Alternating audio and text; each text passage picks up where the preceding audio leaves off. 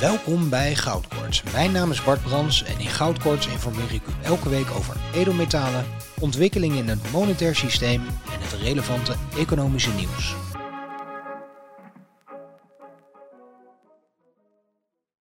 Welkom bij weer een nieuwe aflevering van Goudkorts, een initiatief van Gold Republic. Mijn naam is Bart Brams, ik ben de edelmetaalspecialist bij Gold Republic. Ik begin even met een mededeling. Aanstaande maandag, 7 uur, Kees de Kort, Goudkortsgrachten. Kijk allemaal natuurlijk naar die nieuwe aflevering van Goudkortsgrachten met Kees de Kort. Ik heb weer een ontzettend mooi, op sommige momenten heel ernstig, maar op andere momenten hilarisch gesprek met hem gehad. Ik denk echt de moeite waard voor mensen die ook nou, een wat luchtiger kant van Kees de Kort willen zien. En ja, ik ben natuurlijk een beetje een fanboy van Kees. Dus ook eh, mij uh, willen zien lachen en schateren als ik in gesprek ben met Kees de Kort. Aanstaande maandag om 7 uur. Ik ben er zelf weer bij om eventueel jullie direct te voorzien van uh, nou, antwoorden op vragen die er zouden zijn. Kijk naar die nieuwe aflevering van Goudkortsgrachten. Goed, de koersen. En ik heb een aantal van jullie uh, um, zien opmerken dat het toch misschien wel fijn zou zijn als ik een soort timestamp bij die koers kan geven. Vandaar, het is uh, op dit moment ongeveer half één op donderdag. Dus vanavond om nou, 7 uur of 8 uur, wanneer deze uitzending uh, wordt uitgezonden. Ja, dan zal de koers natuurlijk anders zijn, want die verandert elke paar seconden. Maar op dit moment is de koers van goud 54.900 euro per kilo en van zilver 610 euro per kilo ongeveer. Ja, en we zien die koers dan toch weer een klein stukje corrigeren naar beneden toe. Nou, ik eh, dacht, ik ga toch eens even kijken wat er wellicht een verklaring zou kunnen zijn voor ja, die kleine, overigens, uh, daling in de koers van goud. En ik kwam van de controller van de Verenigde Staten, kwam ik um, op een grafiekje. Nou, in dat grafiekje kunnen jullie ook zien, zien wij het aantal derivaten van precious metals, edelmetalen, dat is toegevoegd aan de balansen van banken. En nou ja, kijk naar die stijging. Die is gigantisch gigantisch. Dus dat betekent dat er heel veel derivaten zijn toegevoegd aan die balans. En ja, daar, daardoor dacht ik, ik kijk toch ook weer eventjes naar de US Debt Clock. Wat is dat? Nou, het, het, houdt in, primair houdt het bij wat is de staatsschuld van de Verenigde Staten. Maar op de US Debt Clock kun je ook vinden de papieren ratio's van goud en zilver. En nou, de eerste keer dat ik het over die ratio heb gehad, was de ratio zilver, papier op zilver, was ongeveer 180 op 1. Wat is die ratio nu? Nou, dat kunnen we zien. 390 op 1. En ja, dan kom ik toch weer bij die derivaten of die ETF's. En van goud, de eerste keer dat ik het daarover had, was die ongeveer 80 op 1 en nu 112 op 1. En dan kom je bij de ETF's terecht. Wat is een ETF? Een ETF is een Exchange Traded Fund. Dus op het moment dat je investeert in edelmetaal en je doet dat via een ETF, dan investeer je niet in edelmetaal. Je investeert in een fonds dat investeert in edelmetaal. Of in ieder geval zegt te investeren in edelmetaal. En dan kom ik toch een beetje bij ook de aard van een investering in edelmetaal, in goud of zilver. In principe, naar mijn idee, investeer je in edelmetaal om een deel van je portefeuille te beschermen tegen negatieve rente, inflatie, uh, uh, financiële repressie. Als dat de motivatie is om je te beschermen, dat deel van je portefeuille te beschermen, dan kun je dat doen middels een ETF. Maar, en dat is een hele belangrijke maar, dan investeer je dus niet in metaal, maar je investeert in een fonds dat zegt te investeren in metaal. Als we dan even kijken naar die ratio. 390 op 1 voor zilver, 112 op 1 voor goud. Wat kunnen we daaruit opmaken? Nou, volgende. er zijn een aantal van die ETF's die zeggen, en dat wil ik best geloven, dat zij één op één gedekt zijn met fysiek metaal. De vraag is natuurlijk, als het economisch heel slecht gaat, wat gebeurt er dan op het moment dat jij zegt: Ik wil graag dat fysieke metaal uitgeleverd krijgen? Nou, dan heb jij, als jij investeert in een fonds dat investeert in edelmetaal, geen juridische claim op een specifiek stuk metaal op een specifiek moment. Dus er bestaat een kans dat, zeker als we kijken naar die ratio van 390 op 1, dat naast jou er misschien nog één of twee of 100 of 200 of 300 mensen zeggen: Ik wil graag op dit moment, want het gaat economisch heel slecht, die kilo zilver hebben. Fysiek in eigen beheer nemen. Ja, nou, als je mazzel hebt, heel veel mazzel, dan ben jij, en dan krijg jij die kilo. Of één op van die 389 andere mensen krijgt die kilo. En jij dus niet. En want ja, die derivaten die laten natuurlijk zien, die papieren ratio, dat er voor elke fysieke kilo 390 kilo's niet fysiek zijn. Nou, dat zegt wat over de aard van een derivaat of van een exchange traded fund. En ik wil hier niet alle exchange traded funds, alle ETF's afschrijven als zijnde niet gedekt of uh, wellicht zelfs deel, maar deels gedekt. Er zijn ETF's waarvan het wellicht de moeite waard is om te zeggen: ik investeer daarin. Tegelijkertijd, als ik dan terugkeer naar wat is de aard van een investering in fysiek edelmetaal en ik kijk naar bescherming tegen uh, een hedge op inflatie, uh, financiële repressie, negatieve rente en dat je dat doet met een, het defensieve deel van je, van je beschikbare vermogen, dan denk ik dat het de moeite waard is om één, dat heel goed uit te zoeken als je wil in een ETF wil investeren. Of, en het gaat echt maar om tiende van procenten, misschien net iets meer te betalen en zorgen dat je geallokeerd, dus als juridisch eigenaar van een specifiek stuk goud of zilver, met een specifiek waarnummer op een specifiek moment, de, de juridische claim hebt op fysiek edelmetaal. Nou, laten we dat bij Gold Republic nou echt ontzettend mooi en goed doen. Eh, iedere accounthouder bij Gold Republic die weet, iedere dag opnieuw word je bestendigd in juridisch eigendomsrecht met de edelmetaaltoewijzing die wij ook als enige organisatie in de hele wereld naar al onze accounthouders desgewenst elke dag opnieuw toesturen. Dat even over, nou, één, wellicht die koerscorrectie. Twee, die explosieve op, het explosief oplopen van die papieren ratio versus het fysieke metaal. En dus wellicht ook de noodzaak om, als je een ETF hebt, even goed te onderzoeken.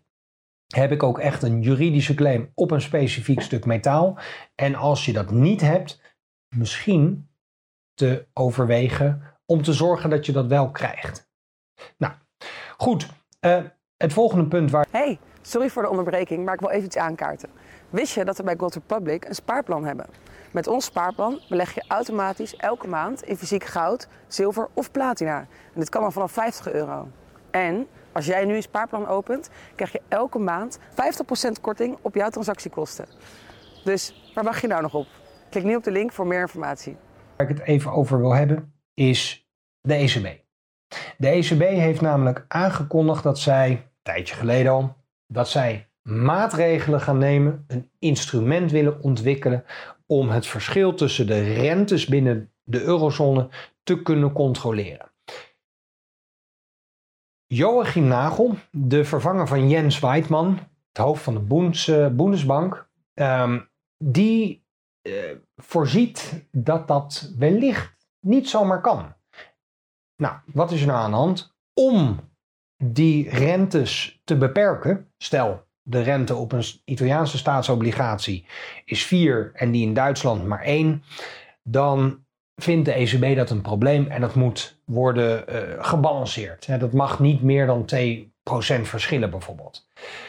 dat is ook heel normaal. Dat, dat je veel liever een lage vergoeding van, op, een, op een Duitse staatsobligatie accepteert. En voor een Italiaanse staatsobligatie toch wel graag wat meer um, rendement wil ontvangen. Want het risico is veel groter. En normaal gesproken is het de markt die dat bepaalt. Namelijk, en, uh, Italië heeft een staatsschuld van, ik geloof, 140 of 150 procent. Ik ga daar niet voor één jaar geld aan uitlenen voor 1 procent. Waarom niet? Er is een hele reële kans dat ik dat helemaal niet terugkrijg, omdat ze een onhoudbare staatsschuld uh, hebben. Als dat percentage 5 of 10 procent is, dan denk ik misschien het, het risico is groot, maar de beloning is ook groot, dus ik neem het risico. Het is ook een impuls, een, een stimulans voor Italië om te zeggen: Nou, wij moeten inmiddels zoveel rente betalen op die staatsobligaties, dat wij misschien maar een aantal hervormingen moeten doorvoeren, waardoor we er fiscaal en financieel wat beter voor zullen uh, voor staan. Die hervormingsimpuls die blijft uit op het moment dat de ECB een instrument ontwikkelt, en dan ga ik zo nog even in op dat, wat dat instrument zou kunnen zijn, om die rentes laag te houden. Nou, wat zou nou dat instrument kunnen zijn en waarom is Joachim Nagel van de Bundesbank um, nou, niet overtuigd dat het ook daadwerkelijk uh, van toepassing zou mogen zijn? Dat instrument is het verkopen van Duitse staatsobligaties en het aankopen van Italiaanse staatsobligaties. Met andere woorden, je bent weer aan het kopen. Je bent als ECB weer geld aan het bijdrukken. Of valuta moet ik natuurlijk zeggen. En daarmee koop je die staatsobligaties op en daarmee houd je die rentestijging beperkt. Nou, Mario Draghi die heeft uh, en toen in uh, Europa die, die financiële crisis, die rentecrisis losbarstte, gezegd: I will do whatever it takes. En daarvoor heeft hij die bazooka ontwikkeld. En dat was het OMT, het outright de Outright Monetary Transaction. Gewoon het bijdrukken van heel veel valuta. Inmiddels, de balans van de ECB staat op 9 biljoen euro. Nou, Joachim Nagel, die geeft aan dat dat niet zomaar kan. Hij geeft ook aan, en de ECB mag dit eigenlijk helemaal niet. Als ze het toch wil, dan moet het om hele specifieke uh, maatregelen gaan op een heel specifiek moment. Maar nu zomaar dit weer uh, nou, starten, ja, dat, dat kan niet. En daar ga ik dus ook niet zomaar mee akkoord. Overigens was het zijn voorganger Jens Weidman, die als enige van alle uh, eurolanden uh, en, de voor, en de president van de centrale bank het niet eens was en dus ook niet akkoord ging met dat OMT, met, dat, met die outright monetary transaction. Dus nou, wellicht dat zijn opvolger, Joachim Nagel, ook niet akkoord gaat. Ja, nou ja, dan is er een mogelijkheid dat het met, met die misschien toch uh, gebeurt. Maar breder vind ik het toch ook wel um, nou ja, een, een teken, een indicatie van de zwakte van de euro als gezamenlijke munt. Want ja, de rente is nog niet eens verhoogd. Eind juli gaan we van min 0,5 naar min 0,25 of naar 0. En vandaag komen de minutes van de ECB uit en daar wordt gezegd of we gaan in één keer naar 0 of we gaan in stapjes van 2 keer 0,25 naar 0. Het is dus nog niet eens gebeurd of de enorme verschillen tussen de fiscale culturen van de landen binnen die eurozone, die steken de kop weer op en zorgen dat er, voordat er ook maar een is uh, doorgevoerd, er al instrumenten moeten worden ingezet om die onderlinge renteverschillen uh, uh, niet te ver op te laten lopen. Nou er geeft ook aan dat als dit Europese project Um, als dat niet verder gaat, ja, de vraag is, moeten we dat willen? maar dat alleen deze muntunie gedoemd is om te mislukken. En ja, ik denk dat als we verder gaan, dat er ook ontzettend veel weerstand zal ontstaan. En we merken dat ook al in uh, Italië gaan mensen massaal de straat op. Ook natuurlijk in Nederland. ook hier gaan we massaal de straat op. Omdat we ja, toch voelen dat we in onze soevereiniteit worden aangetast door ja, dat, dat abstracte uh, Brussel en ook die abstracte ECB, die lijkt niet mee te werken aan een, een, het beter worden van, van onze uh, nou, het persoonlijke welvaart, zoals we dat hebben ervaren in een tijd dat we nog gewoon gulden hadden. Nou goed, ik denk uh, leuk om, uh, om hier even te noemen. Volgende wat ik wil, wil noemen is toch weer prijsstijgingen. Ik, heb, ik heb het er de laatste tijd vaak over gehad. En de prijsstijgingen van uh, ook de maand juni zijn bekend geworden. Ik noem er een paar. Allereerst energie is iets minder hard gestegen ten opzichte van vorige maand. In mei was die energieprijsstijging 105%, in juni 84%. Nou, ja, die 84% komt heel dicht bij het algemene inflatiecijfer dat op dit moment um, officieel wordt genoemd in Turkije dus in Turkije is de inflatie, de prijsinflatie, 80% ten opzichte van vorig jaar. Nou, ik heb met jullie natuurlijk ook die persoonlijke inflatiecijfers gedeeld. Die waren fors hoger dan het in Nederland officiële cijfer.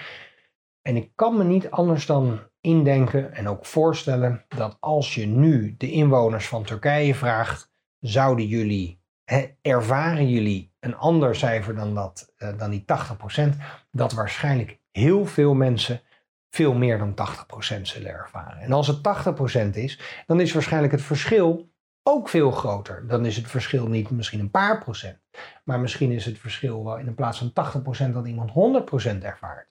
Of in plaats van 80% 110%. Nou, dat is in Turkije.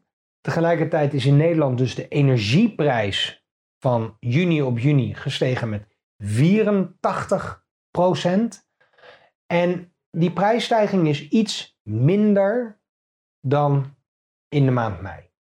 Dus ja, dat betekent niet dat je minder gaat betalen. Dat betekent dat de prijs iets minder super hard is opgelopen.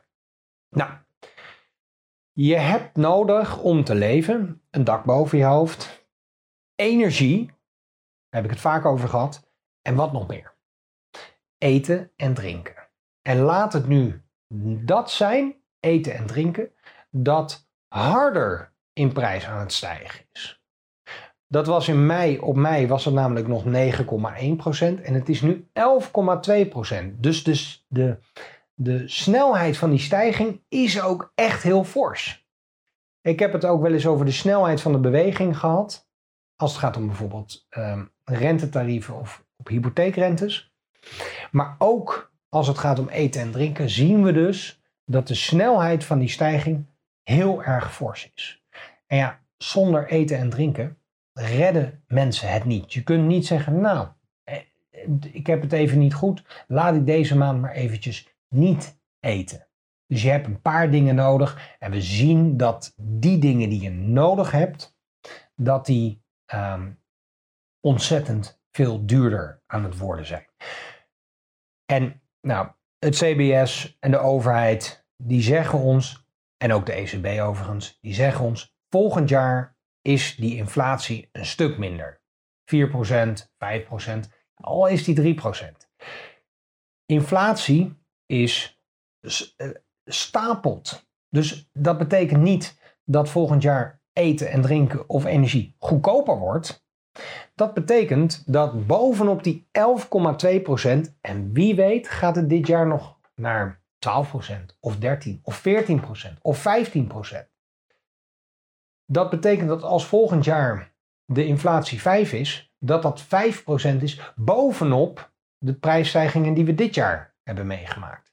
Nou, wetende dat die inflatie voorlopig nog niet um, weg is, denk ik dat heel veel mensen zich heel erg zorgen uh, zullen maken. Maar we weten ook dat inmiddels 2,5 miljoen huishoudens, hè, niet personen, maar huishoudens, um, het moeilijk hebben. En aan het eind van de maand beslissingen moeten maken over welke rekeningen ze wel en niet uh, gaan betalen.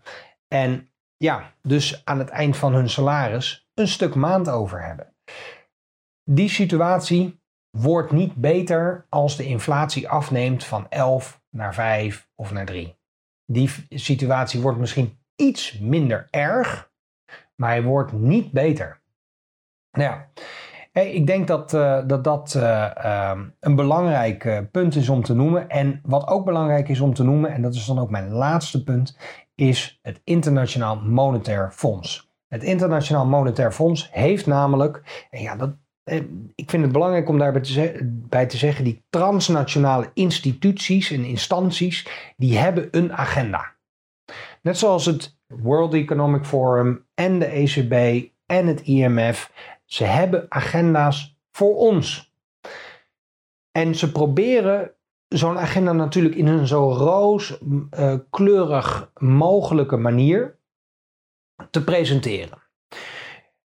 Het IMF heeft inmiddels vanuit ja, noodzaak en het gewoon niet meer kunnen ontkennen, aangegeven dat zij niet kunnen uitsluiten dat er in 2023, over een half jaar, een wereldwijde recessie uh, ontstaat. Zij kunnen dat niet uitsluiten, dat dat gebeurt.